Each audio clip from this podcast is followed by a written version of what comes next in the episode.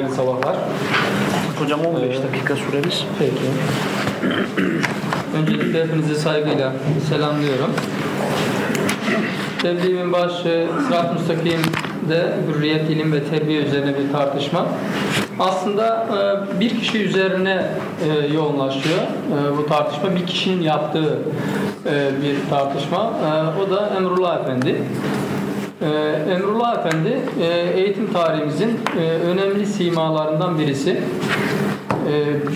Her ne kadar kısa süreli marif nazırlığı yapmış olsa da ömrü büyük ölçüde marif içerisinde, marif nezaret içerisinde geçmiş birisi. Sultan Abdülhamit dönemi bürokratlarından Mektebi Mülkiye mezunu.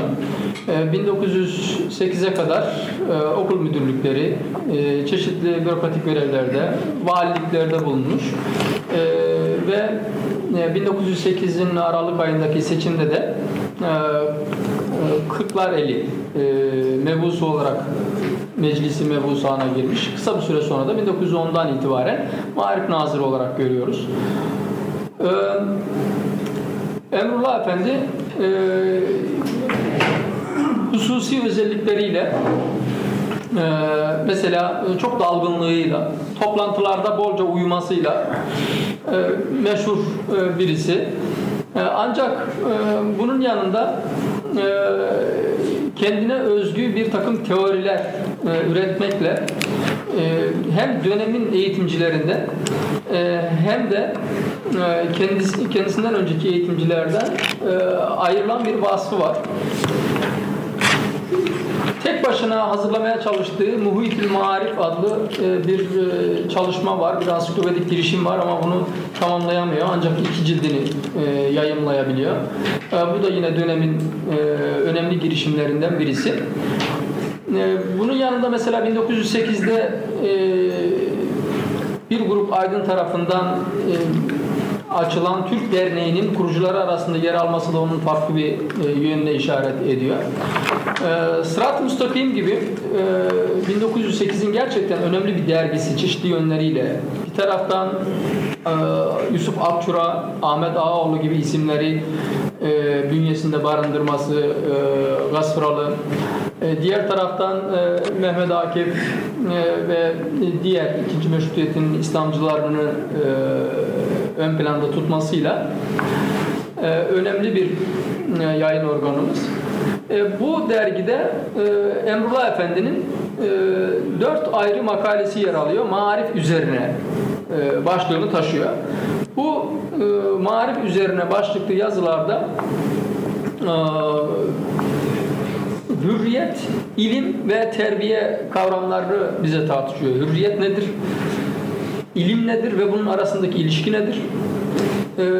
Ve son olarak da terbiyeden maksat nedir ya da terbiyenin esas kavramları nelerdir şeklinde kendi kendisiyle yapmış olduğu ve aynı zamanda dönemindeki tartışmalara verdiği bir cevap olarak görebileceğimiz bir konu var. Şimdi çok detaylara girmeden ana hatlarıyla bildirimde bunları konuşmamda en azından belirtmeye çalışayım. Bildirimde uzun bir şekilde ben de hem eleştirilerimi hem de Emrullah Efendi'nin etkilendiği söylemek istediklerini dile getirmeye çalıştım. Emrullah Efendi hürriyet nedir sorusuna öncelikle hürriyetin aklın muktezası olan kanunlara itaattir e, diye cevap verir. Peki bu kanunlar nelerdir ya da nedir e, diye sorar. E, hayatımızda dört farklı kanunun olduğunu ve bu kanunlara uymanın, bu kanunlara itaatin hürriyet olduğunu söyler. Aslında çelişki gibi duruyor. E, ancak açıklayacak. Peki bu kanunların kaynağı nedir e, diye sorar ve bu kanunların kaynağının en temelde Cenab-ı Hak olduğunu söyler. Dört farklı kaynak e, kanundan bize bahseder. Bunlardan birincisi kavanini tabiiye. tabii kanunlar. Der ki hayatımızda bazı tabii kanunlar vardır. rüzgar, yağmur, hastalık, elektrik, yer çekimi ve benzeri. Bunlar aslında insan hürriyetini kısıtlayıcı şeyler gibi gözükür. Oysa insan ilim ile bu kanunların e, ne diye mahiyetini öğrenmekle bu kanunların esaretinden kurtulabilir. İşte buna örnek verir. Ee, şu anda balonla uçmaya başladık. Hız konusunda hayli mesafe kat ettik vesaire diyerek. Ee, cehaletle hürriyetin bir arada bulunmayacağını yani bu e, kavanini tabiyeye, tabii kanunlara esaretin aslında cehaletten kaynaklandığını, cehaletin zıddının da e, bildiğimiz üzere ilim olduğunu, e, ilimle bu e, esaretten kurtulabileceğini söyler ve hemen burada ekler çok fazla tartışma yapmadan e, ilmin öğrenileceği yerinde e, marif e, ortamları e, olduğunu söyler. İkinci olarak düşünmenin e, ya da insanın hayatımızdaki ikinci e, kanunu kavanini fikriye e, ya da buna düşünmenin tabii kanunları der. E, biz konuşurken ya da bir meseleyi düşünürken sanki herhangi bir şeye bağlı olmaksızın düşünürüz.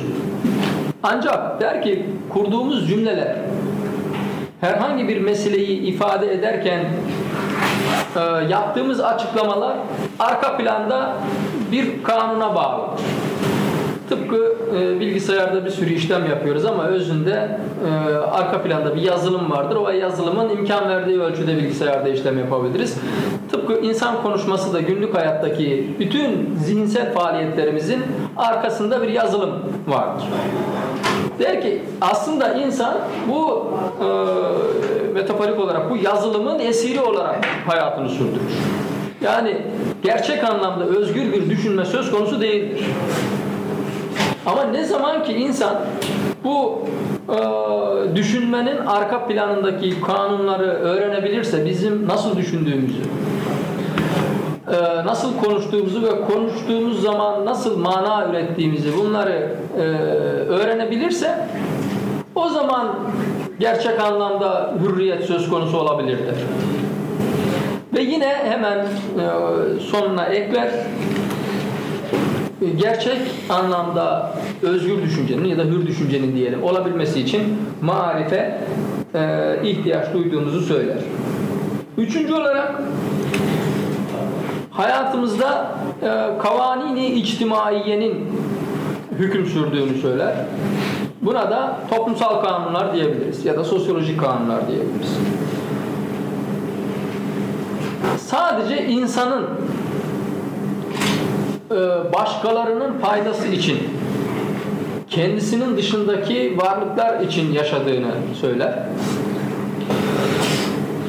E, diğer canlıların ancak topluluk oluşturduğunu, toplum oluşturamadığını, toplum oluşturmanın insana has bir meziyet olduğunu söyler.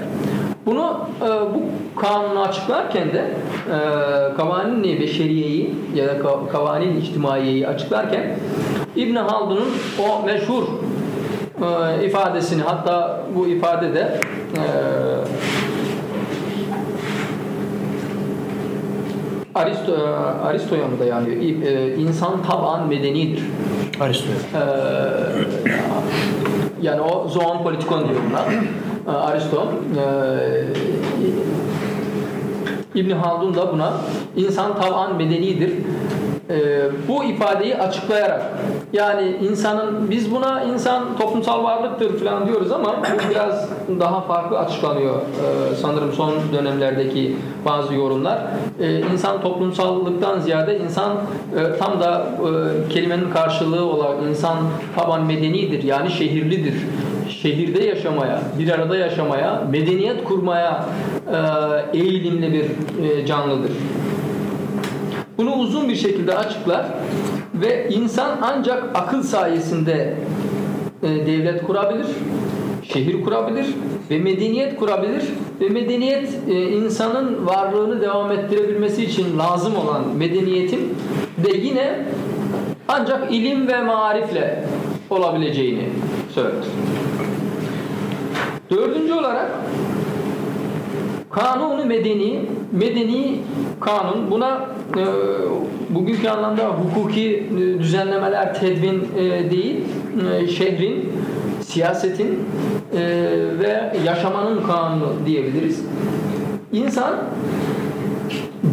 diğer varlıklar içinde yaşayan, diğer varlıklar e, kendisi dışındaki e, hem varlıklar hem de canlılar içinde yaşayandır der. Buna münasebet ve e, buna diğer canlılar ile arasında bir münasebet, bir muaşeret vardır der.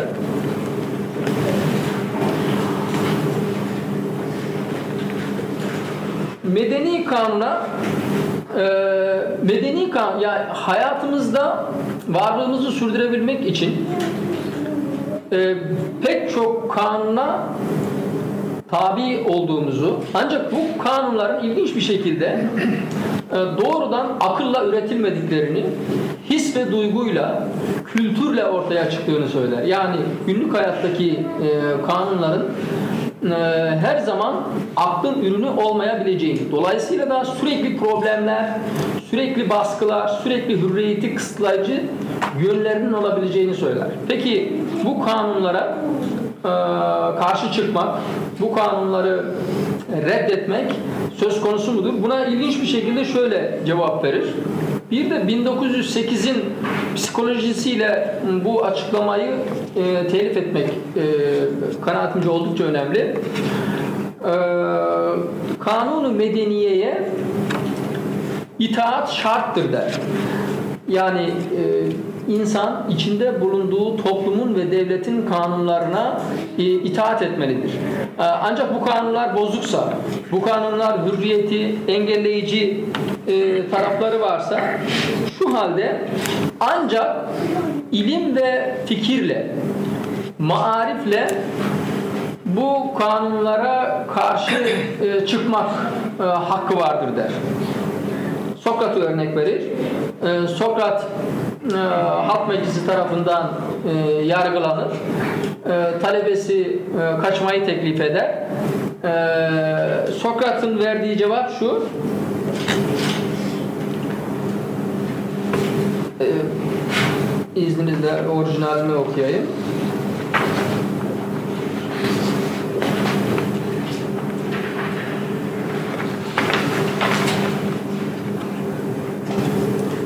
Hakim kavanine e, rivayet, riayetsizlik olur. E, toplumdaki cari e, kanunlara bu riayetsizlik olur ve insanın, medeni insanın, şehirde yaşayan bir insanın buna hakkı yoktur der. E, eğer karşı çıkıyorsa bunu ancak ilim ve fikirle yapabilir der. Bundan sonra bir iki dakika içerisinde şunu özetlemeye çalışayım. Peki e, hürriyetimizi sınırlayan kanunlara karşı e, insanın temel mücadele yönteminin eğer ilim ve marifse bu marifin esasları nedir? Burada yeni bir kavramla açıklama getirir. Terbiye. Bunun arasını açmıyor Emrullah Efendi. Terbiye ve marifin sanki eş değer gibi kullanıyor. Ve terbiyede dört tane farklı kavram sunuyor bize. Terbiyenin esası olarak. Bunlardan birincisi Terbiyede eşitlik esastır diyor, müsavat. Yalnız bu müsavatı herkesin aynı eğitimi alması şeklinde e, açıklamıyor. Herkesin e, terbiye talep etmekte eşitliği olarak açıklıyor. Aksi halde diyor e, herkes aynı eğitimi alacak. E, bu anlamsız bir şey. E, çünkü bizim seçkin insanlara ihtiyacımız var. Dahi insanlara ihtiyacımız var. Toplumları ve medeniyetleri kuracak olanlar da dahi insanlardır. Zaten malumunuz Emrullah Efendi'nin o meşhur Tuğba Ağacı nazariyesi de bir tür seçkin e, eğitimini e, anlatır. Bunu teorize eder. İkincisi tekafül e, esasıdır da eğitimin ya da terbiyenin. Bunun da birinin zararına olanın diğerinin de zararına olduğu, birinin faydasına olanın diğerinin de faydasına olacağı. Dolayısıyla eğitim düzenlemesinde bu ilkeye dikkat edilmesini ister. Üçüncüsü faziletin e, e, terbiyenin bir e, esası olduğunu söyler ve bu faziletin de aslında galebe manasına geldiğini, galip gelmek manasına geldiğini söyler. Buradaki galip gelmenin de nefse galip gelmek. Yani insanın kendisini tanıması ve kendisini hürriyetlerden mahrum bırakan iç güçlerin, dahili e, güçlerin e, esiri olmaktan kendisini kurtarırsa fazilete erişebileceğini. Dördüncü olarak terbiyenin vatanı vardır ya da şöyle diyelim terbiye vatanı olan bir ilimdir der. Coğrafya gibi, hendise gibi, mühendislik gibi vatanı olmayan bir ilim değildir. Dolayısıyla marifle uğraşanlar buna dikkat etmelidir der. Ayrıca e, terbiyenin e, insan üzerinde Allah'ın, çevrenin, bedenin, nefsin ve zihnin haklarının olduğunu e, ve bu hakları insanın hayatı boyunca yerine getirmesi gerektiğini e, söyler. E, örneğin Allah'ın hakkını e, yerine getirmek farz olan ibadetleri yapmakla e, mümkündür. Peki zihnin hakkını vermek nedir? Zihnin hakkını vermek de zihni eğitmek. Bu da terbiye ve marife olur der. Diğerlerini uzun uzun açıklar. Hocam, son olarak son olarak e, terbiye terbiyenin insan üzerinde intizam ve usul melekelerini geliştirdiğini söyler. Bunu da e, hem zaman, mekan, yöntem bakımından bize bir e, çalışma prensibi sağladığını söyler. Bu e, uzun ama e, oldukça e, kompakt diyebileceğimiz e, makalenin e, gerek e, eğitim tarihimizde gerek kavram tarihimizde önemli bir yeri olduğunu düşünüyorum. E, sabrınız için teşekkürler.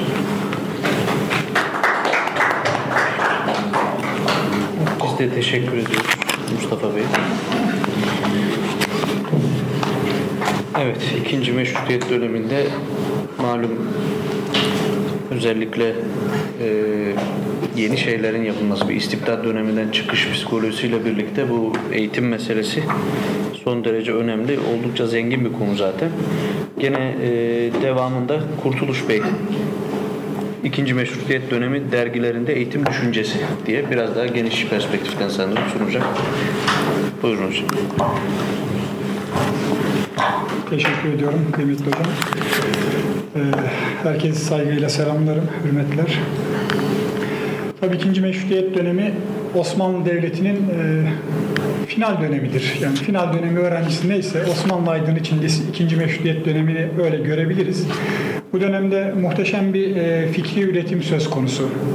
Yani 1927 tarihli bir yayında e, ikinci meşrutiyet 27'ye kadar olan dergilerin, gazetelerin listesini vermişler.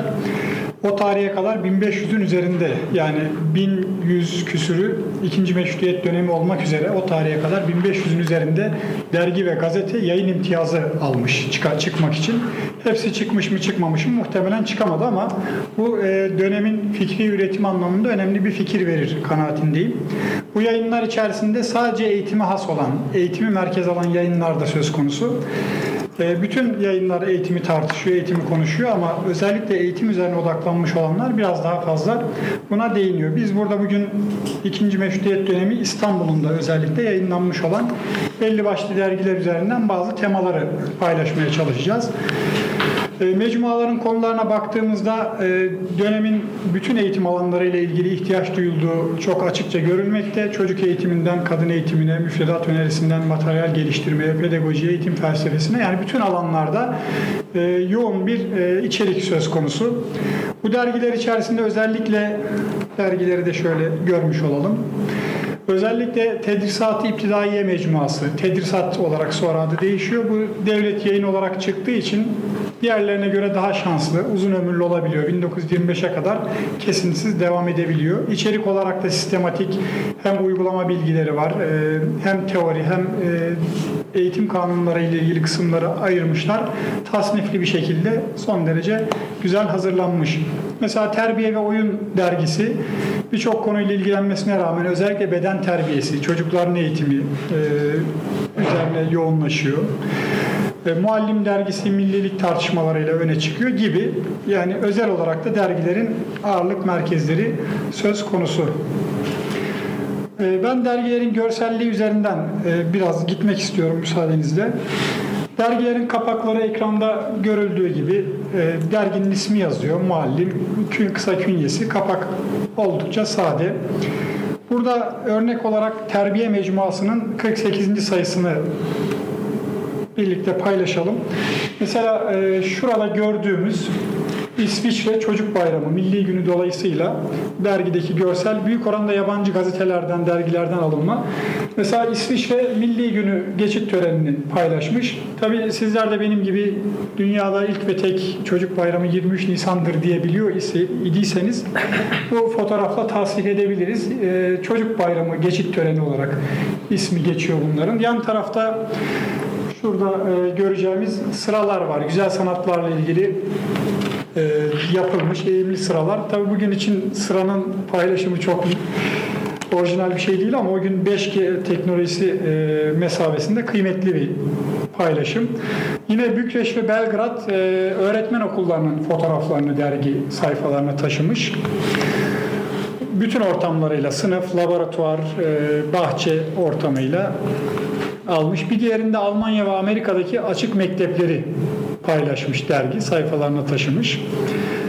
E, Evet, onu şöyle söyleyelim. Yani birinci sayıda 13 tane fotoğraf üzerinden 5 farklı ülkedeki eğitim içeriklerini dergi bünyesine taşımış. Bu ne demek oluyor? Dünyadaki eğitim gelişmelerini çok yakinen e, takip ediyorlar anlamına geliyor. Yine e, bir başka kare, özellikle çocuk eğitimi, çocuk oyunları, e, beden terbiyesiyle ilgili çok ciddi bir vurgu var. Bunu da buradan görebiliyoruz. Peki dergilerdeki öne çıkan eğitim düşüncesi nedir? Yani neyin üzerinde çok fazla duruyorlar? Bir defa 100 yıllık bir e, fikri serüven var. Yani modernle klasiğin zaman zaman çatıştığı, zaman zaman birlikte hareket ettiği bir süreç var. Dergilerde klasikle moderni nasıl uyumlu bir şekilde aktarabiliriz? Eğitime nasıl yansıtabiliriz? Bu anlamda merkezi bir konumda. Yani yerelle uluslararasını birlikte ifade etme söz konusu. İki tane örnek paylaşmak isterim. Mesela Ziya Gökalp, Gökalp e, eğitimde kıymet hükümleri ve gerçeklik hükümleri diye iki bölüm ayırır. E, kıymet hükümlerine o ülkenin kültürünü, tarihini, folklorunu, inancını koyar.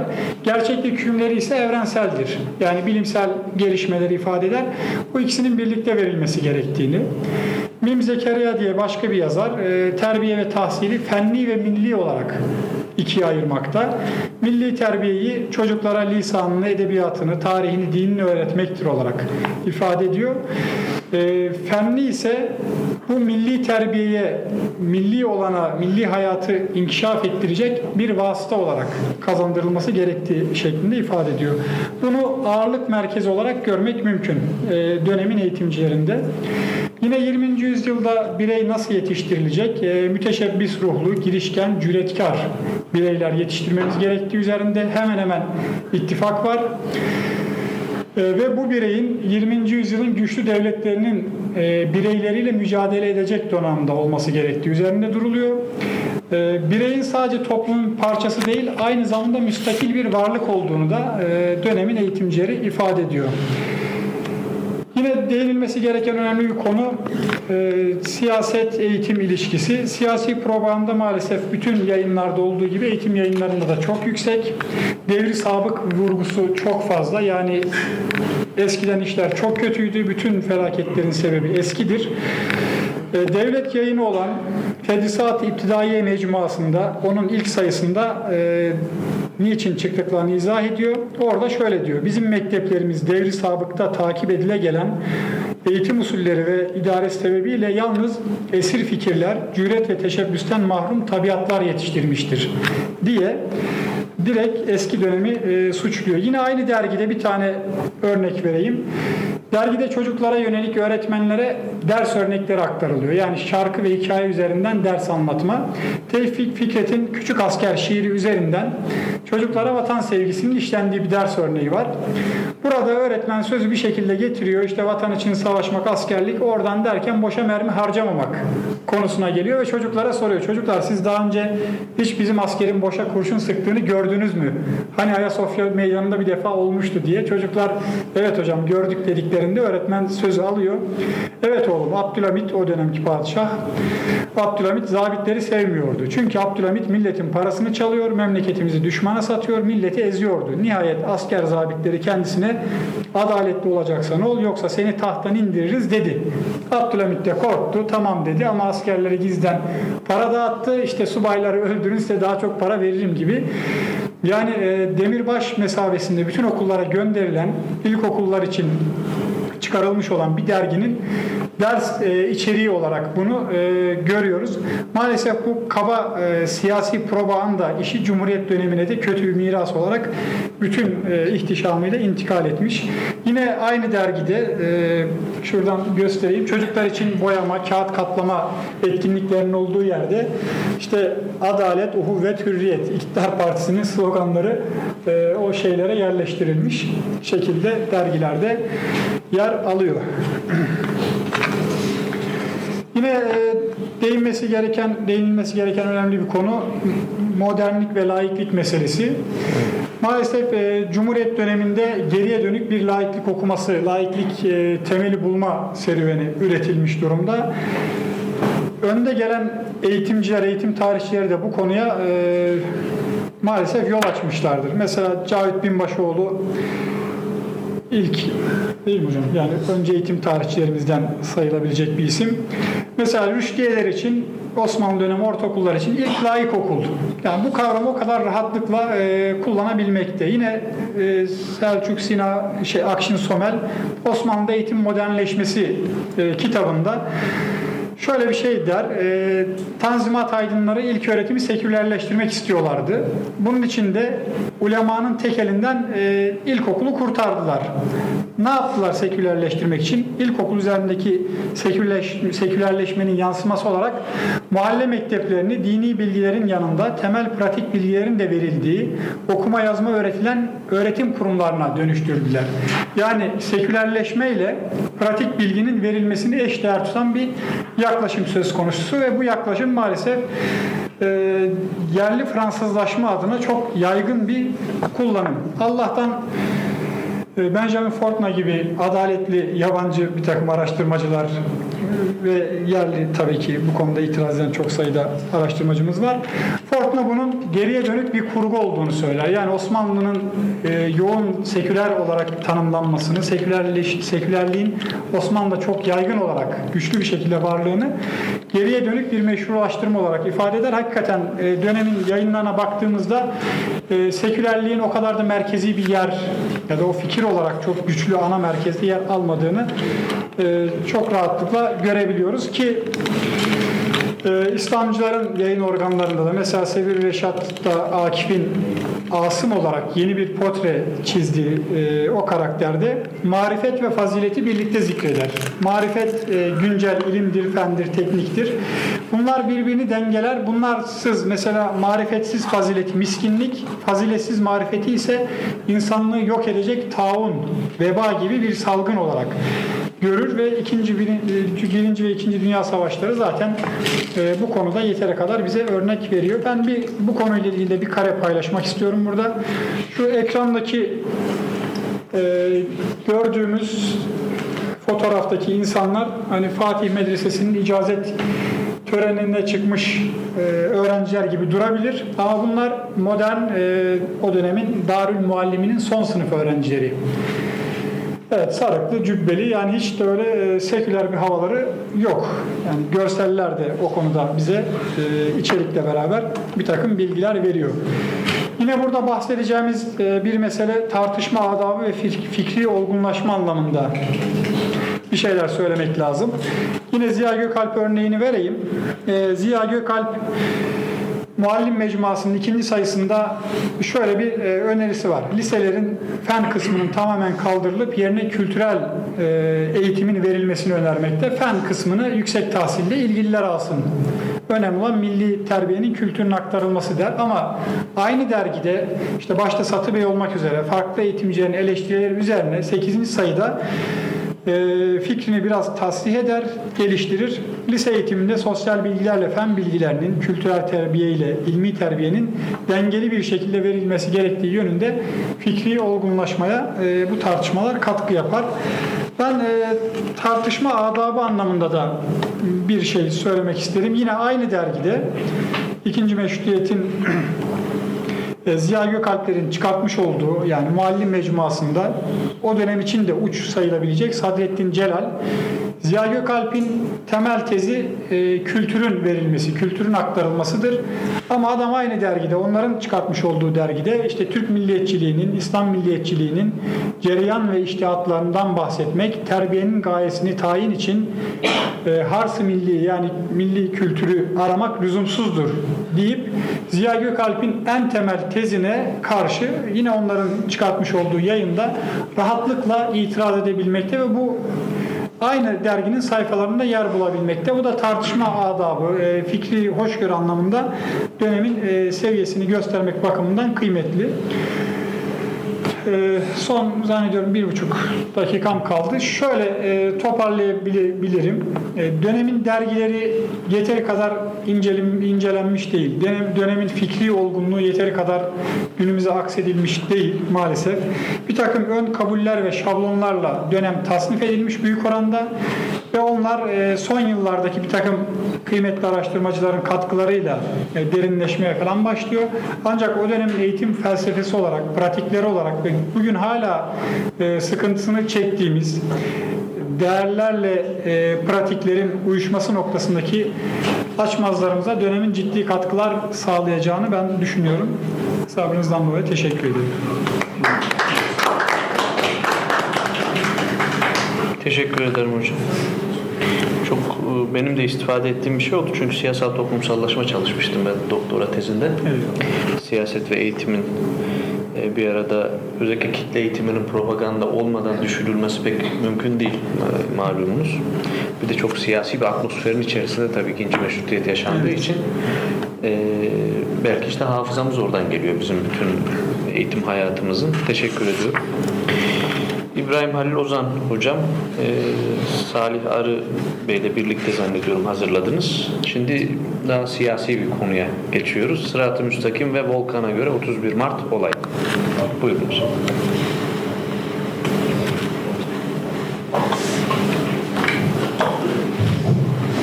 Teşekkür ederim Sayın Başkan. Ee, dinleyicileri benden saygıyla selamlıyorum. Ee, meşrutiyete kadar e, özellikle e, basının İslamcı kesimde algılama biçimi e, daha çok olumsuz anlamda menfi diyebileceğimiz tarzda e, algılanırdı. Ancak e, meşrutiyetle birlikte özellikle basın alanındaki e, patlama, giderek e, gazete ve dergi sayısındaki artış İslamcı kesimde özellikle basına yönelik bu olumsuz algının e, giderek değiştiğini görmekteyiz. Bu dönemde basın genellikle e, daha çok kamuoyu yaratma, e, işte etkili bir propaganda aracı olarak e, yeniden e, keşfedilmiştir. E, bu dönemde İslamcılar gazeteyi işte hizmet, nasihat, e, hidayete davet, İslam'a olan saldırıları red ve tekzip, zalam-ı cehli, tenvir, vasıta müdafaa gibi e, daha çok böyle biraz daha e, propaganda e, yönü ağır basan bir algı üzerinden e, yavaş yavaş benimsendiğini görüyoruz.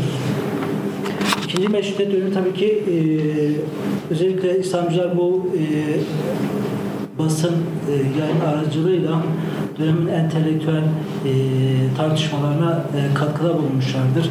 İşte meşrutiyet, e, hilafet, meclisi mebusa, itaat İslam, kanun sevgisi gibi konularda e, İslam'a dayanarak e, bunların yeni döneme nasıl uyarlanacağına dair e, kendilerince bazı tezler öne sürmüşlerdir. E, şimdi benim esas e, konum e, 31 Mart olayı. 31 Mart olayının özellikle iki İslamcı e, yayında e, nasıl yer aldığını e, işledim. E, bunlardan bir tanesi Derviş Faaliyeti e, aynı zamanda 31 Mart olayıyla direkt anılan bir isim. E, olayda nasıl bir rol üstlendiği konusunda e, her ne kadar belirgin olmasa da olayla direkt anılan bir isim haline gelmiştir. E, Derviş Faaliyeti 1870'te Kıbrıs'ta doğmuş. Burada ilk ortaokul eğitimini tamamladıktan sonra e, kısa bir medrese eğitimi almıştır. Ardından da e, bir İngiliz şirketinde çalıştıktan sonra 1800 e, 1902'de pardon e, İstanbul'a gelerek e, burada bir e, memurluk e, alıyor. Ardından da e, işte kendisi bu memurluğu sağlayan e, Memduh Paşa aleyhinde bir jurnal e, verdiği için e, Diyarbakır'a sürgün ediyor ve 3,5 yıllık bir Diyarbakır e, sürgününden sonra e, meşrutiyetin ilanıyla beraber e, tekrar İstanbul'a geliyor ve burada 11 Aralık 1908'de Volkan e, gazetesini çıkarmaya başlıyor. E, Volkan Gazetesi ilk sayısında e, özellikle meşrutiyete çok yoğun bir e, vurgu yapmıştır. E, eski işte Juan Türkleri bunları öven bir yazı yayınlamıştır. O dönemin Juan Türklerini meşrutiyet kahramanı olarak değerlendirmiş ve işte Ali Kemal, Prens Sabahattin, Abdullah Cevdet, Hoca Kadri ve Mizancı Murad'ı zamanımızın birer Dreyfus'u olarak değerlendirmiştir. E, aynı zamanda e, Derviş Vadisi'de işte o dönemde yaygın olarak e, meşrutiyetten beklenen hürriyet, musavat, adalet gibi e, dönemin e, genel beklentilerini o da taşımaktadır. Derviş Vadisi e, çoğunlukla e, gazetenin tek devamlı yazılıdır. Yani imzalı olarak onun dışında çok az sayıda yazarı, işte Said Nursi'nin birkaç yazısı var. E, tek yazarı sayılabilir. Yani büyük ölçüde kendi çabasıyla ayakta tutmuş birisidir. Ve genellikle daha çok ilk dönemler meşrutiyet vurgusu, meşrutiyetten beklentiler üzerinden e, yayın yapmış. Ancak özellikle toplumlar iki kesimin e, sorunlarını gazeteye taşıyarak e, bunlar üzerinden itaat terakkiye muhalefet etmeye çalışmıştır. Bunlar işte e, ordudan atılan, işte modernleşen ordu sistemine e, ayak uyduramayan alaylı askerler ve bir de e, o dönemde çok ciddi problem olarak ortaya çıkan medreseli öğrencilerdir.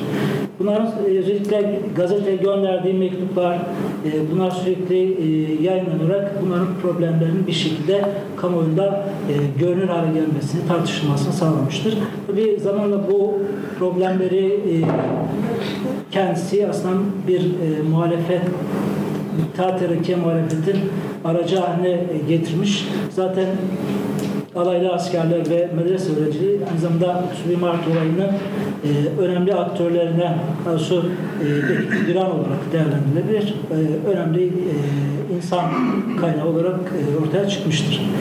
E, Derviş Fahrettin asıl belki e, hem e, Osmanlı kanunu hem İstanbul'da tanınmasını sağlayan şey e, işte Ayas- Ayasofya'da e, düzenlediği mevlid. Bu mevlide işte e, 100 binden fazla kişinin katıldığı e, kaydedilmiştir. E, bu mevlidden sonra özellikle İtihad-ı Muhammedi Cemiyeti'nin hem e, Anadolu'nun, İstanbul'un çeşitli yerlerinde giderek şubelerin arttığını e, görmekteyiz. Aynı zamanda işte volkan e, sayısının, e, volkan tirajlarının da giderek e, yükseldiğini görmekteyiz. Dolayısıyla bu durum e, Derviş Vahdetti'ye arkasındaki toplumsal desteği e, fark etmesini sağlamıştır. Bu aldığı toplumsal destekle İttihat Terakki'ye karşı çok daha sert bir muhalefete yönelmiştir. Ee, Bir diğer önemli olay belki e, Hasan Fehmi'nin e, Serbestli Gazetesi yazarı Hasan Fehmi'nin şehit edilmesidir. Hasan Fehmi'nin e, şehit edilmesi üzerine özellikle zaten daha önceki bu Mevlid'den aldığı toplumsal desteği bu sefer daha çok meydanlara insanları, kitleleri meydanlara dökerek göstermeye çalışmıştır. Bu olaydan hemen sonra işte e, yazdığı bir yazıda e, şunları e, söylüyor. Ey Osmanlılar, vatanı ve birbirimizi seviyor muyuz? İspat edelim. İşte mezalim, işte istibdat meydanda. Bunları e, def etmek için fikri serbestliği lazım değil mi? İşte meşrutiyet, işte hürriyet. Bunlar meydan. Eğer o mezalime, o istibdada ki şeref sokağın pis, murdar elleriyle icra ediyor ki burada itaat terakki kastediliyor. Boyun eğerse kansız bir millet olduğumuza dünya kâri olacak. Haysiyeti milliyemiz parmağıyla hakaret olacak. Eğmeyelim bu cinayetlere katiyen boyun eğmeyelim diyor. E, dolayısıyla burada e, e, Derviş Valisi bu olayları kullanarak e, özellikle e, arkasındaki insan desteği, toplumsal desteği e, kullanarak itaat ederken karşı muhalefetini giderek artırıyor. E, İttihat Terakki'ye karşı özellikle e, daha önce istibdat döneminde e, insanlar nasıl buna karşı çıktıysa İttihat Terakki'nin de yürüttüğü istibdada benzer şekilde bir e, tepki göstermesini istiyor. E, ve bu e, kitlelerin e, etkisiyle özellikle bu bahsettiğimiz e, alaylı askerler ve medreseli öğrencilerin de bu şekilde tahrikiyle ortaya çıkan 31 Mart olayında e, Deliş Fatih olay tamamen şer'i inkılap olarak görür. İlk gün bunun heyecanıyla e, bunu orduyu tebrik eden, kutlayan bir yazı yazıyor. E, şunu söylüyor. E, Arslanlar hep her birinizin adı Yüce İslam tarihinin adını süsledi. Sizin gibi bir ordu dünyanın hiçbir köşesinde yoktur. Evet yoktur. Bunu iftihar gurura söyleyebilir. Çünkü böyle bir askeri harekat dünyanın hangi bir noktasında meydana gelseydi vatanları baştan başa karma karışık olmaması mümkün değil. Tabii bu ilk günün heyecanından sonra yazıyor bunu. Daha sonra işte e, olaylar kendi istediği şekilde gerçekleşmeyince yavaş yavaş orduyu teskin eden, onları e, işte asker e, komutanlarına itaat etmeye yönelten bazı e, nasihatler vermeye çalışıyor. E, en sonunda da tabii ki e, süreç onun ummadığı şekilde gelişince e, o e, itaat e, 31 Mart olayından sonra zaten kendisi kaçmak isterken yakalanıyor. Yine bu e, dönemde gazetede yazan Said Nursi mesela olayı yine e, Deriş Vahiti gibi inkılab-ı şer'i olarak değerlendiriyor. E, o da benzer bir ifade kullanıyor. Diyor ki bu iki inkılabın bahasına 100 bin şehit verseydik ucuz sayılacaktır diyor. E, Deriş aslında kendisi e, bir gazete e,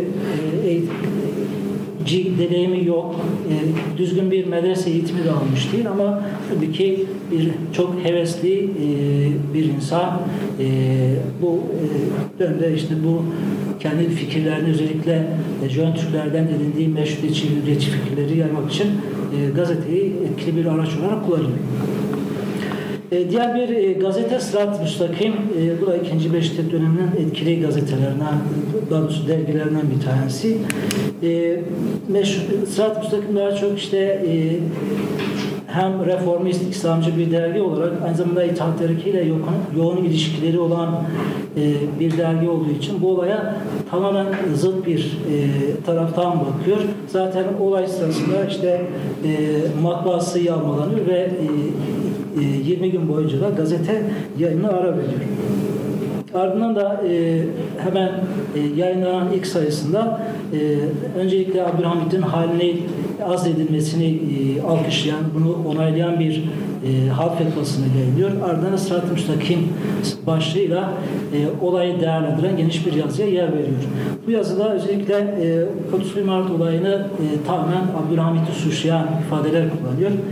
E, 31 Mart olayını ona göre yani Sırat-ı Müstakim'e göre e, meşrutiyete karşı girişilmiş bir darbe olarak değerlendirir ve e, düşünce hürriyetini korumayı amaçlayan Sırat-ı Müstakim e, bu dönemde yayına ara vermiştir. İşte bazı gazete ve dergilerin yaptığı gibi e, zulüm ve şekavet medahlığı yapmak yerine susmayı tercih etmiştir. Dergi olay müsebbibi olarak Abdülhamid'i gördüğü için haline dair fetvayı da sevinçle yayınlamış. E, ve onun, onun e, yazının, daha doğrusu bu yazıda e, şu ifadeler yer almıştır. E, özellikle Abdülhamid'e yönelik bu ifadeler. Olay müsebbibi olarak Abdülhamid'i gördüğü için haline dair fetvayı sevinçle karşılamış ve zalimin de zalim idarenin de helak toprağı içinde yuvarlandığını görmekten mutluluk duyduğunu belirtmiştir. E, dolayısıyla bu e, sırat müstakim olayı tamamen e, Abdülhamit'e onun e, bu meşrutiyet düzenini ortadan kaldırarak tekrar eski istibdat dönemini geri getirmeyi e, amaçlamak için tezgahlandığını e, ortaya koyuyor. Ayrıca bu Sırat-ı Müstakim'de Derviş Vahdeti'nin ve e, İttihat Muhammed Cemiyeti'nin de suçlandığını, bunların etrafına cahil cühela insanları takarak e, kendisine e, ülema süsü vermiş insanları müfsit olarak adlandırdığı bu insanları e, tahrik ederek olayın e, bu şekilde cenayet etmesi de etkili olduğunu söylüyor. Sırat-ı Müstakim e, isyancıların şeriat taleplerini de e, samimi bulmaz. Özellikle şunu diyor, diyor ki e, eğer madem siz bu kadar e, İslamcı e, endişeleriniz vardı, 30 yıl boyunca Abdülhamit işte şeriatın e, e, bir harfini bile uygulamadı. Siz 30 yıl boyunca neden sustunuz diyor. Buna dair bazı örnekler de. İşte Abdülhamit önünde şeriate uyulmayan, aykırı görülen, kendilerince aykırı gördükleri bazı durumlarda örneklendirerek sunuyor. Ve bunlara diyor 30 yıl boyunca bunlara neden itiraz etmediniz? Neden e, şeriat istemediniz? E, böyle bir dönemde işte e, yavaş yavaş istibdat dönemi ortadan kalktığı, işte e, meşrutiyet düzeninin yavaş yavaş oturtulduğu bir dönemde siz neden bu kadar e, ortalığı karıştırdınız diye onlara itiraz ediyor. E, Sırat-ı Müstakim itaat terekkiye yönelen muhalefeti susturmaya e, ve her türlü e, itaat terekkiye yönelik eleştiriyle e, meşrutiyet düzenine karşı yapılmış bir eleştiri olarak görme taraftarıdır. E, dolayısıyla bu dönemde e, insanların itaat terekkinin bu e, istibdat yönetimi ya da baskı yönetimini e, eleştirdikleri zaman buna karşı bir tepki gösterdikleri zaman hemen İslamcı kesimde e, başta işte Sırat-ı Müstakim olmak üzere e, bunlar e, meşrutiyet düzenini istemeyen e, eski düzen yanlısı olarak e, suçlandırılmış ve bunlar e, genellikle eleştirilmiştir. E, aynı zamanda Sırat-ı Müstakim e, dergisi bu e, olayı bastıran e, hareket ordusunu da e, büyük bir e, sevinçle karşılamıştır. E, dergiye göre işte bu e, hareket ordusu e, Hilafet ve Osmanlı hükümetini kurtaran e, büyük bir el, lütuf, ilahi bir lütuf olarak e, değerlendiriyor e, hareket ordusu. E, dolayısıyla bu iki yayında e, bu iki farklı bakış açısı e, değerlendirdiğimizde e, şunları görebiliriz. E, Volkan ve Derviş Faaliyeti daha çok toplumda biraz daha alt kesimde e, ki insanlarla biraz da günlük gazete olmanın da getirdiği bazı e, durumları kullanmıştır. E, daha çok halka yakın olan halkın bazı kesimlerin sorunlarını abartarak belki e, bunları e, kamuoyunda e, kullanmış ve e, bu olayın e, ortaya çıkmasında e, etkin bir rol e, oynamıştır. E, Sırat-ı Müstakim'in e, bu konudaki yaklaşımı ise e, çok farklı bir e, cepheden olmuştur. Çünkü Sırat-ı Müstakim kuruluşundan beri itaat ile yakın ilişkiler içerisinde olan bir dergi. E, özellikle e, meşrutiyeten bazı beklentiler içerisindedir Sırat-ı Müstakim. E, meşrutiyet düzeninin yavaş yavaş oturtulabileceğini, e, bazı sorunların bu sayede belki giderilebileceğini düşünmektedir. Özellikle ulema kesiminin e, tanzimatla beraber e, giderek işte e, yavaş yavaş etkinlik alanını kaybettiği bir dönemde e, meşrutiyet sayesinde e, ulemanın, İslamcıların yavaş yavaş e, eski rollerini kazanabileceğini düşünmektedir. E, dolayısıyla bu dönemde biraz daha belki itaat terekkiye e, mesafeli ya da o beklentilerin gerçekleşebileceği da, ne dair ümitleri e, bu olaya çok daha e, sert bir tepki göstermelerine e, yol açmıştır. Başkanım tamam mı? Teşekkür ediyoruz. Ben teşekkür ederim. Hocam teşekkür ediyoruz. Sağ olun. Hala tartışılan bir konu. Ee, iki gazete, iki basın organı e, üzerinden de zaten belli çalışmalar daha önce yapılmıştı ama gayet ufuk açıcı oldu. Teşekkür ederiz. Şimdi de zannediyorum bir oryantalistin e, tarihi İslamiye eserinin değerlendirmesini Muharrem Samet Bilgin e, yapacak. Hocam buyurun 15 dakika süreniz. Hocam teşekkür ediyorum. Ee, değerli dinleyenlere de hürmetlerimi sunarak sözlerime başlıyorum. Ee, Hollanda ile bugünlerde yaşadığımız e, kriz e, bizim tebliğde de başka bir Hollanda'nın dolaylı yoldan e, meşrutiyet devrinde sebep olduğu kriz üzerine ne olacak? E, Reinhard Dozi meşhur bir oryantalist. E, Leiden Üniversitesi ki Leiden Üniversitesi de e, 16. yüzyılda kurulmuş ve 17. yüzyılda Avrupa'nın şarkiyat araştırmalarında merkezi olmuş. E, bu Biril e, e, Ansiklopedi İslam'ı da çıkartan, pek çok İslam yayınları da yapan e, meşhur bir üniversite şarkiyat araştırmalarında. Dozi de meşhur bir şarkiyatçı o dönemde 1820 e, doğumlu, e, 1883'te vefat ediyor. Ve e, asıl uzmanlık alanı Dozi'nin e, Endülüs ve Kuzey Afrika e, Arap tarihi. E, Arapçayı çok iyi biliyor. Daha e, çocuk yaştan itibaren, ortaokul, lise çağı diyeceğimiz dönemden itibaren Arapça öğrenmiş. Ee, üniversitede edebiyat bölümünü e, tercih etmiş. Orta Çağ Tarihi, Edebiyat Fakültesi'nde Orta Çağ Tarihi çalışmış. Ee, doktorasında da yine e, Abbadiler hanedanı e, işbirliğiyle, seviyede bir süre iktidarda kalmış o e, şey çalışmış doktorada. E, akademisyen olmadan önce fakültede okurken kütüphanede çalışıp e, Arapça eserlerin kataloglamasını yapmış. Daha sonra bunları daha da geliştirerek e, yayına hazırlamış biri. E, hatta e, sözlük ve anlam bilim üzerine çok fazla çalışmaları var. O kadar e, bu konuya ilgisi var ki ve Arapça o kadar vukufiyeti var ki Arapça sözlüklerdeki eksiklikleri tespit edip Arapça sözlüklere ek sözlük diye iki ciltlik sözlük yazacak kadar Arapça biliyor. Zaten genelde e, Fransızca yazıyor. Fakat e, işte Arapça, İngilizce, Almanca, İtalyanca, İspanyolca ve Portekizce ile çok iyi bilmekte. Böyle bir e, kişi Dozi. E, Dozi'nin Türkiye'de tanınması nasıl oluyor? Aslında e, 1863 yılında e, bu eseri yazıyor. E, Abdullah Cevdet'in Tarihi İslamiyet olarak e, çevirdiği eseri 1863'te yazmış. Dolayısıyla genelde Fransızca yazan biri. E, Hollandalılar e, diyorlar ki sen bir Hollandalısın ama hiç e, bize e, kendi dilimizde bir şeyler yazmıyorsun. E, Bir de sen işte Araplarla, İslam'la ilgili çalışıyorsun. Ya bize bu İslam dinini anlatacak bir şeyler yaz e, diyorlar. O da hani bizim Muhammed Hamidullah Hoca'nın rahmetli e, İslam'a giriş tarzı, İslam'a giriş diye bir eseri vardı. Introduction to İslam'dır Astro'nun. E, o eserde biliyorsunuz hem İslam tarihinden bahsedilir, hem İslam akaidinden bahsedilir, hem İslam fıkhından bahsedilir, ahlakından bahsedilir. Böyle bir kitaptır. Yani özlü bir şekilde İslam dinini tanıtan bir kitaptır. Dozi'nin bu eseri de Het İslamizm diye Hollanda'da İslam yani İngilizce karşılığını verecek olursa e, bir eser yazıyor ve 12 e, kısımda e, anlatıyor. Bunun ilk e, 4-5 bölümü e, Hazreti Peygamber'in hayatıyla ilgili İslam'ın doğuşu, işte cahiliye döneminden başlayarak anlatıyor.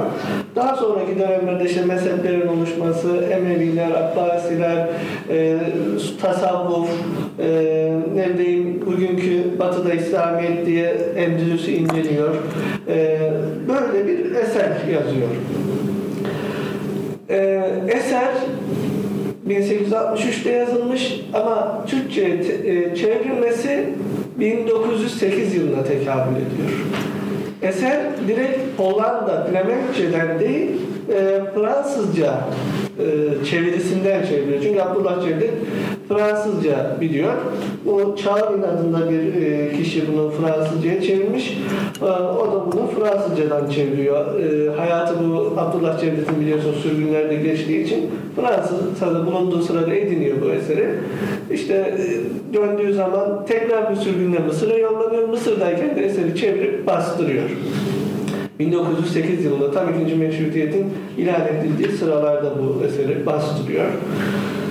Ee, peki e, Dozi eserde e, neler söylüyor? E, çok fazla tepki e, gösterilen e, kısımlar olarak Hazreti Peygamber'in hayatıyla ilgili kısımlar var. Mesela Peygamberimizin histeri hastası olduğunu, ara ara nöbetlerinin geldiğini, işte hani vahiy alma durumundaki o anlatılan rivayetlerde bizim karşılaştığımız e, bazı şeyler vardır ya işte ağırlığından devenin biraz çökmesi işte vahiy gelmişti yanındaydım şöyle oldu böyle gibi bunlardan o onun histeri hastası olduğunu ve e, uydurduğunu kafasından uydurduğunu bu vahiy denen şeylere e, söylüyor.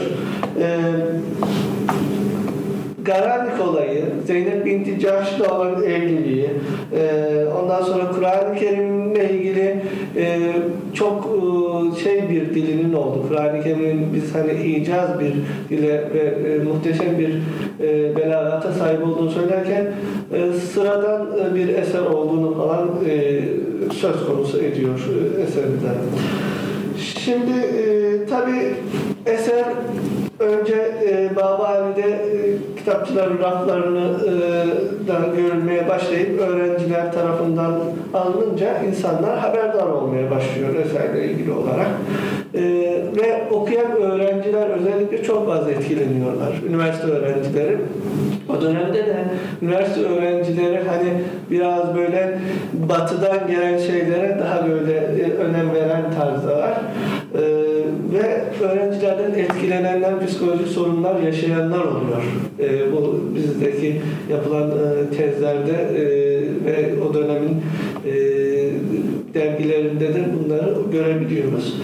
Ve o kadar fazla şikayet artınca e, 17 Şubat 1910 tarihinde e, eser kabine tarafından, İbrahim Hakkı Paşa e, kabinesi tarafından e, basılması, satılması yasaklanıyor. Eldeki nüshalar da Galata e, Köprüsü'nde denize atılmasına karar veriliyor.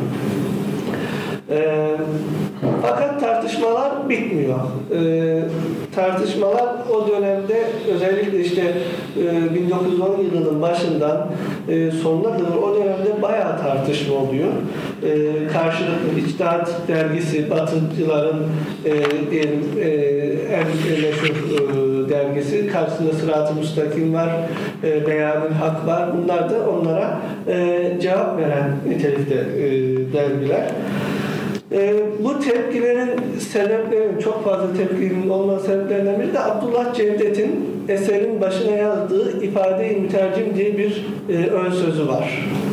İfade-i mütercimde Abdullah Cevdet e, bu eserin Arapça, Farsça ve Türkçe dillerinde bir benzerinin olmadığını, böyle bir İslam tarihinin hiçbir zaman e, yazılmadığını e, ve e, insanlara faydalı olmak, insanlara aydınlatmak için bütün mesaisini ilme veren Dozi, işleri, amaçları kara, avare Hamitlerden bin kat Müslümandır diyor.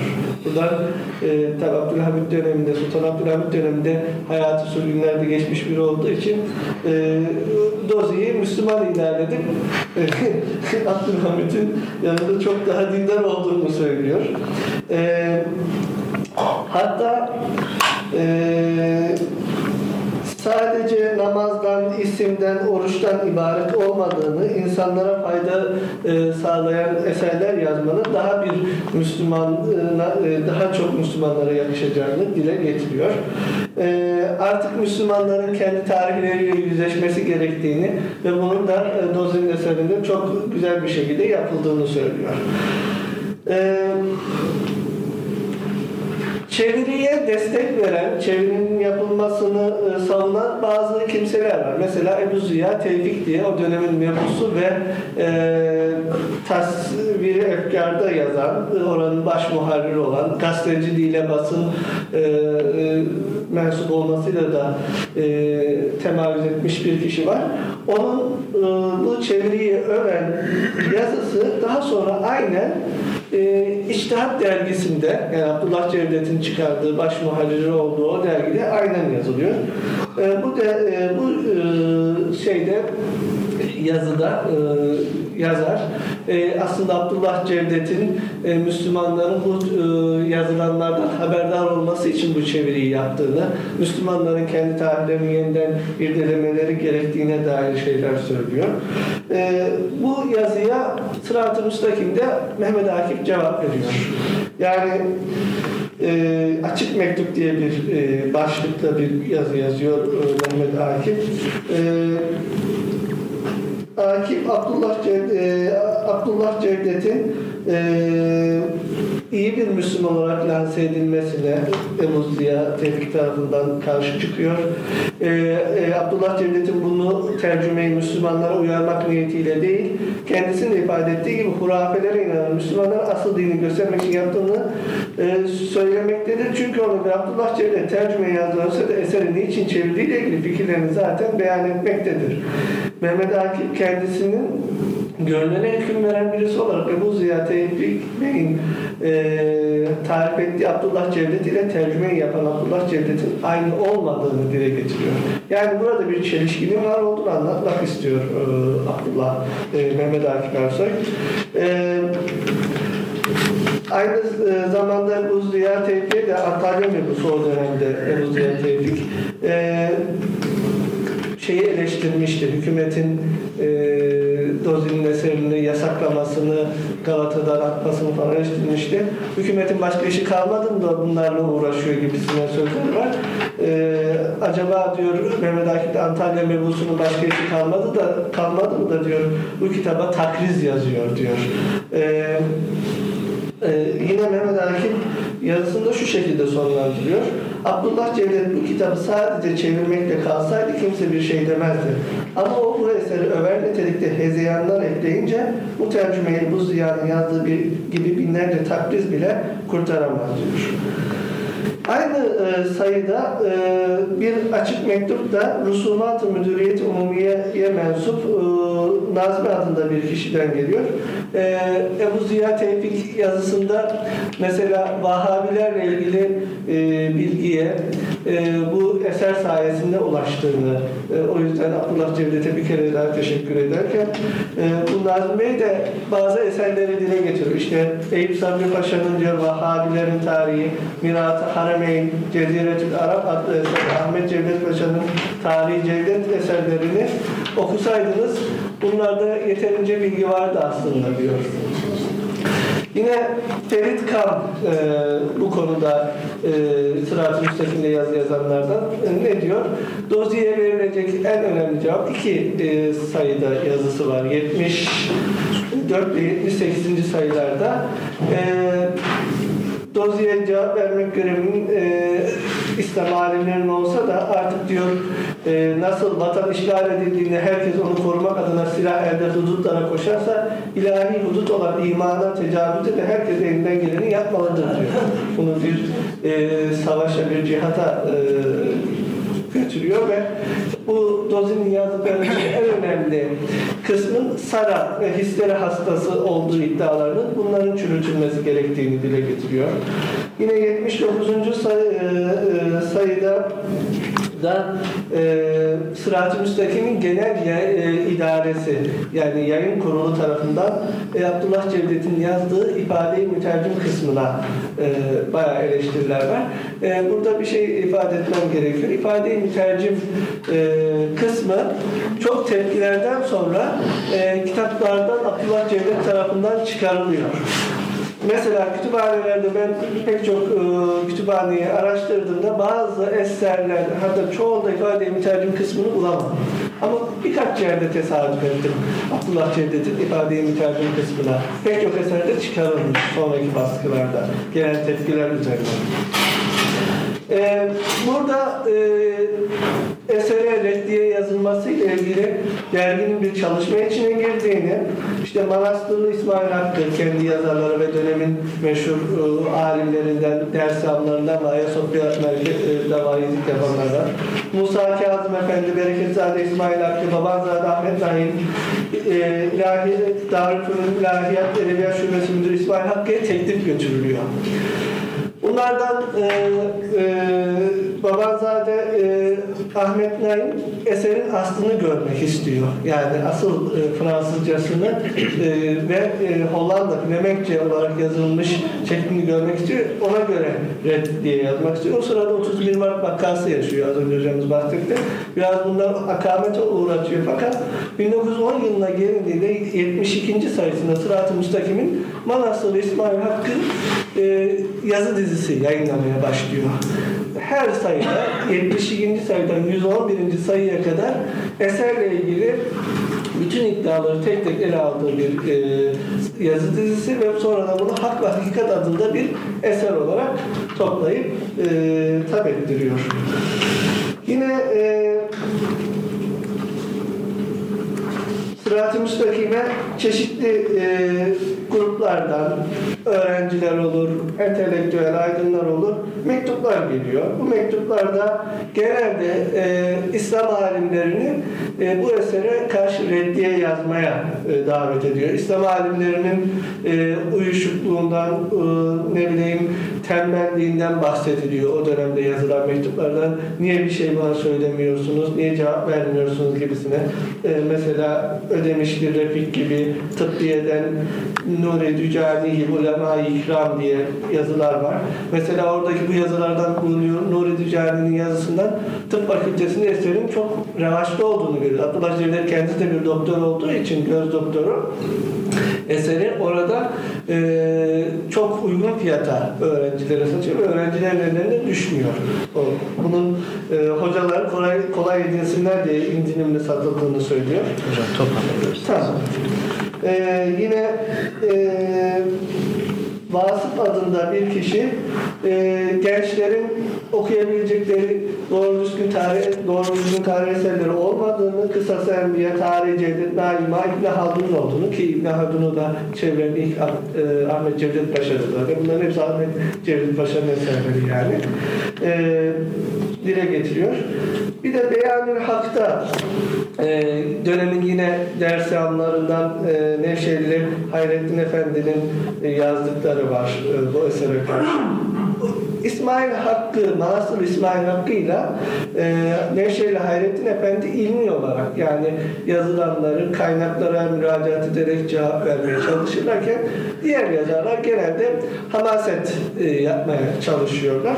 E, açıkça ifade etmek gerekirse e, bu eserin şöyle bir hayrı olmuştur. E, İslam tarihine Hz. Peygamber'in hayatına e, ilmi bakış açısıyla yeniden eğilmek, e, tarih felsefesinin e, kurallarını da, tarih felsefesi ilminin gereklerini de yerine getirerek e, yeni yeni siyerler, yeni yeni tarih eserleri yazılmasına vesile olmuştur diyebiliriz. Teşekkür ederiz.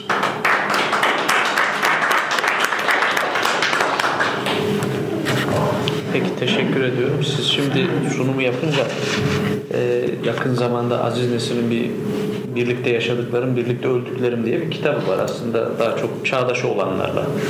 E, fakat oraya bir ismi ekliyor Abdullah Cevdet. İlk isim. Yani herhangi bir şey olmamış teşriki mesaisi. Abdullah Cevdet öldüğünde de çocuk denilecek yaşta. Ee, özellikle ekliyor onu ve içerisinde övgüde bulunduğu tek isim belki de. Ee, ve enteresan bir şey var. İşte Aziz Nesin'in hayat hikayesinde de Salman Rushdie'nin bu e, kitabının şeytan ayetlerinin tercüme edilmesi işte 90'dan itibaren ondan sonra o mesele üzerinden epey patırtı kopmuştu Türkiye'de. Demek ki yani benziyorlar da böyle hikayeleri açısından da enteresan. Peki teşekkür ediyorum ben bütün e, tebliğcilerimize. Sorularınız varsa buyurun değilse eklemek isteyen varsa biraz süremiz olduğu için. Fatih'tin hocam buyurun. Mustafa Hoca'ya bir soru sormak istiyorum. Hocam dün Sırat-ı Müstakim genç aslında kurtuluş ve içinde geçen ama e, ayrı ayrı mücadelelerinde. Büyük ölçüde o dönemki eğitim algısını e, ince değişimi bir anlamda meşrulaştırma ve beslemeye, desteklemeye dönük bir şey olduğunu söylediniz. E, şöyle genel bir yaklaşım olarak baktığımızda Osmanlı dönemindeki e, o eğitim algısıyla sonraki dönemdeki Cumhuriyet uygulamaları arasında tam anlamıyla bir e, süreklilik mi görüyoruz yoksa bir fark var mı acaba? Ben e, yaptığım sunumdan hareketle, yani Emrullah Efendi'den hareketle öncelikle bunu cevaplamak isterim. Bir de ayrıca başka bir cevap belki gerek olabilir. E, Emrullah Efendi'nin e, eğitim düşüncesi e, geleneksel e, düşünceyle oldukça paralel. E, Sırat-ı Müstakim'deki e, yazıları e, ikinci meşrutiyetin o hakim eğitim e, düşüncesiyle e, çok örtüşmez. Mesela e, o dönemde yıldızı parlayanlardan birisi Satı Ee, Ondan sonra Ziya Gökalp apayrı bir e, tarafta. E, keza kısa bir süre sonra e, eğitim dünyasında önemli bir yer edinecek İsmail Hakkı Bey, İsmail Hakkı Baltacıoğlu. Bunların düşüncesiyle e, çok telif edilebilecek bir tarafı yok Emrullah Efendi'nin. Ama e, yeni durumla eskinin e, tıpkı Cevdet Paşa'nın mecellesinde hukuk e, tedvininde olduğu gibi e, gelenekle modernliğin bu ülkenin realitesi, bu ülkenin bilimsel mirası dikkate alınarak yeniden yorumlanabilecek e, bir tarz olarak düşünür. E, mesela Ziya Gökalp her ne kadar e, seçkin eğitimini e, savunsa da Emrullah Efendi ile aynı paralelde şey düşündüğünü söylemek mümkün değil. Yani e, marif dediğimiz şeyin içerisindeki e, ledünniliği, e, uluhiyeti e, biz ikinci meşrutiyet dönemi modernist eğitimcilerinde görmeyiz. Yani onlar böylesi bir şeyden e, arkadaşımız da sanırım bahsetti. E, bunlar mümkün olduğu kadar artık işin içerisinden e, diniliği çıkarmaya, e, o sekülerliği savunmaya yönelik bir gayret var. Emrullah Efendi'de böyle bir şey yok. Benim anladığım kadarıyla. E, ikinci olarak, genel olarak söyleyecek olursak, ikinci meşrutiyet e, aslında tanzimatçıların başlattığı, e, işte Sadık Rıfat Paşa ile, daha sonra Selim Sabit Efendi ile, ardından e, kısmen Münif Paşa'yı belki sayabiliriz buna. Ee, ve ardından da e, bu ikinci meşrutiyetin e, materyalist, pozitivist vesaire insanları önün getirdiği bir eğitim düşüncesi var ve e, sürekli zamanın onlar lehine işlediği ve Cumhuriyet döneminde de artık onların baskın haline geldiği bir süreç var. Evet çok diyelim ki yüzde yetmiş, e, yüzde altmış geleneksel eğitim, medrese toplumda hakim ama artık zaman sürekli e, batıcı, e, modernist düşünen insanların tarafına doğru gidiyor ve onların galibiyetiyle de bir anlamda sonuçlanıyor. Ya bunun izahı da sanırım hayli güç yani neden böyle? Neden e, toplumda medresenin e, ilmiyenin çok daha geniş bir etkisi varken e, ön planda olan, sesi çıkan e, devletin neden onlar tarafında sürekli yer aldığı e, daha izahı sanırım çok daha e, güç e, bir mesele. Siz mi ekleyeceksiniz? Ee, ya bir defa şunu söylemek mümkün. Yani o dönem e, çok daha rahat tartışılıyor en azından. Lehte ve aleyhte herkes her istediğini söyleyebiliyor. E, dinle ilgili mesela bir yazı e, konusu olmuştu. Zühdi terbiye diye birisi yazmış. Yani dinin bizatihi kendisiyle ilgili değil ama işte zühd e, propagandası yapan yani eğitimin zühdü teşvik eden boyutunun problemli olduğunu artık yani zühtten biraz daha diğer işte gayret, sahi gayret e, boyutlarına vurgu yapılması gerektiğini öne çıkarıyorlar, ifade ediyorlar. Ve e, o tartışmaların ben orta sağlıklı bir zemin üretmeye e, katkı sağladığını düşünüyorum ama Cumhuriyet sonrasında ya özellikle 25'ten sonra zaten e, çok ciddi bir tek seslilik yani e, modern hani pozitif batılı bir eğitimin dışındaki herhangi bir teklifi zaten yapmak, ifade etmek söz konusu değil. Ben e, sağlıklı bir modernleşme önerisinin ikinci meşrutiyet döneminde e, yakalanabileceğini düşünüyorum. Ve oradan hani kendimize geliyoruz. Bugün de öyleyiz. Yani övülen, öne çıkarılan e, bütün İslamcılar da dahil normal, modern, üniversite eğitiminden geçmiş olanın daha fazla katkı yapabileceği noktasında bir anlayışımız, bir düşüncemiz, kabulümüz söz konusu ve modern araçları, alet, edevatı ve bilgiyi kullanıyoruz. Onunla e, hakikate daha fazla ulaşacağımız konusunda o kanaatimiz bir şekilde devam ediyor. O anlamda e, böyle tek bir şey söylemek çok mümkün değil ama e, tartışma zemininin varlığı e, uygun ve doğru bir sonuca varma noktasında ikinci meşrutiyet dönemini çok daha e, kıymetli kılıyor. Başka Başka sorusu buyurun. Ben de kurtuluş üzerine yani biraz da tam da bu son söylediği şeyden e, işte yani biz böyle biraz e, eğitim tarihini okurken Osmanlı son dönem falan hep böyle medreselerin inhitafı, medreselerin gerilemesi şeyi üzerinden okuyoruz ve e, diğer kurulan modern e, mektepleri e, tebcil eden bir şeyimiz var, yaklaşımımız var. Ama belki e, şu soruyu acaba e, sorsak nasıl bir e, tabloyla ortaya e, ortaya çıkar? Yani hakikaten o tebcil edilen o e, modern eğitim medreselerin yerine kurulan yani orta öğretimden şeye kadar, üniversiteye kadar bunların e, getirisi ne oldu? Yani sonuç itibariyle hakikaten o tebcil ettiğimiz seviyeye ulaştı mı? Niye bunu soruyorum? Ben çok eğitim tarihi okumadım ama en azından mektebi hukukla alakalı bir e, şey okumalarım oldu. Yani mesela bin- e, 1876'da açılıyor mektebi hukuk. 1907'de Mehmet Fuat Köprülü e, 3. sınıfta mektebi hukuku terk ediyor. Ve diyor ki yani e, hocalarımız diyor lisan bilmezler, e, verdikleri dersleri tercüme kitaplardan okurlar vesaire falan yani e, şeyde. Dolayısıyla bırakıyor okulu.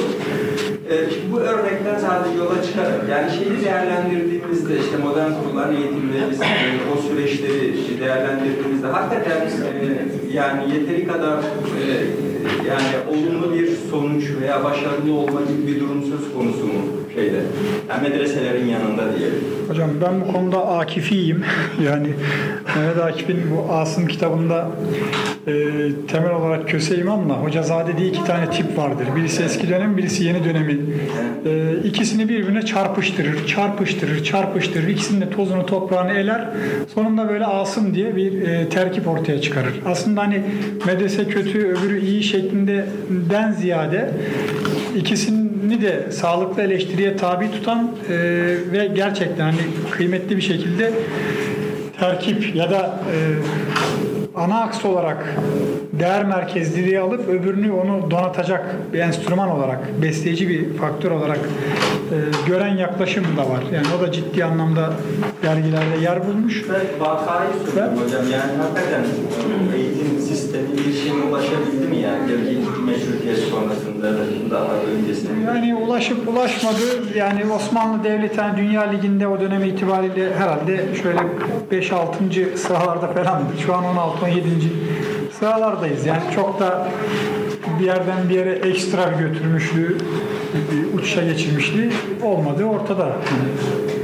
Sonuç Katkı itibariyle. yapabilir miyim ben? Estağfurullah. Bence Ha, bence e, biz e, medrese ile o dönemin açılmış modern okullarını karşılaştırmakla e, çok doğru bir yerden hareket etmiyoruz. Yani medrese modern okulların alternatifi değil. Medrese e, İslam'ın ilk dönemlerinden itibaren belli bir misyonla e, İslam'ın temel inanç ve itikadını e, öğrenmek, öğretmek ve içinde bulunduğu toplum sorunlarına e, çözümler üretmek için var olmuş ve bunu da e, en erken dönemlerinden 1924'e kadar da en yüksek seviyede başarmış bir kurum. Dini bir okul, temel meselesi İslam ve İslam'ı savunmak. E, Bu esnada da e, 19. yüzyıla kadar e, toplum dini bir toplum olduğu için bu dinin temel mesele bu toplumun temel meselelerine cevap üretmek. Bu konuda bir kriz yaşandığı kanaatinde değilim. Hiçbir zaman bunun bir örneği yok. Yani bir e, toplumsal bir mesele gösterelim de bu meseleye çözüm üretilememiş. E, Ortaya bir düşünce, bir içtihat konulamamış olsun. Oysa biz 18. yüzyıldan itibaren modern okul diye bir yeni pratikle karşılaştık. Bu modernizme verilmeye çalışan bir e, cevaptı.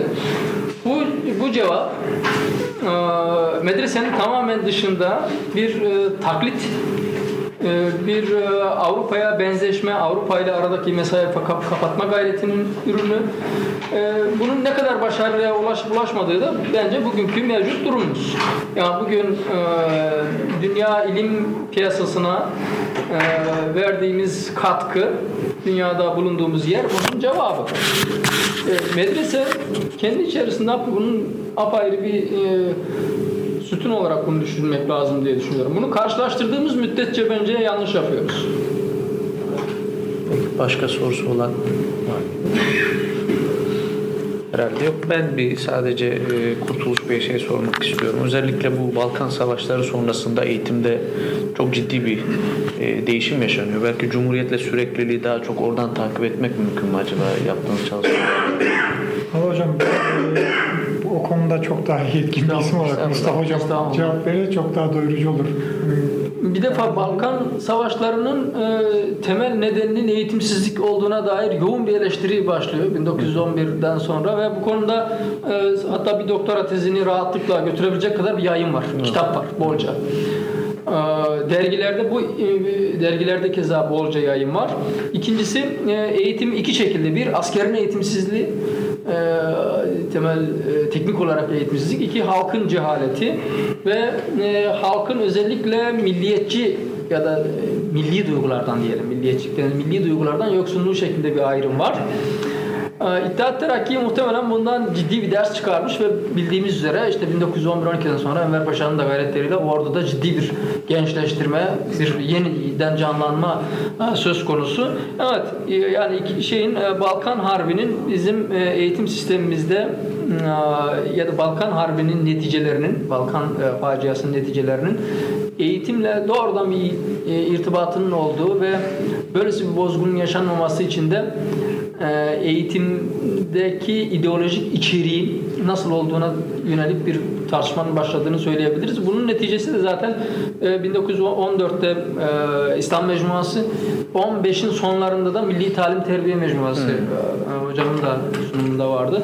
Bu dergilerin e, böylesi bir e, eksikliği giderme amacıyla çıktığını e, söylemek mümkün. E, bu da dediğim gibi yani Balkan hizmeti ve eğitim tam araştırılmaya muhtaç e, yani bakir bir konu. Belki işte o 1908 e, 11 arasından ziyade sonrası Cumhuriyete daha fazla hani katkı anlamında söylüyorum. Daha ideolojik, Evet. daha belki ulus devlet merkezli bir anlayışa doğru da evrilen bir tarafı var. O anlamda. Yani evet, e, zaten Cumhuriyet, e, tevhid, tedrisat ve benzeri kavramlar 1909'dan itibaren sürekli hakimiyet milliye ve benzeri bu kavramlar sürekli tartışılan, sürekli e, insanların çekinmeden kullandığı kavramlar. Eyvallah. Peki. Her anladık. Teşekkür ederiz. Sağ olun.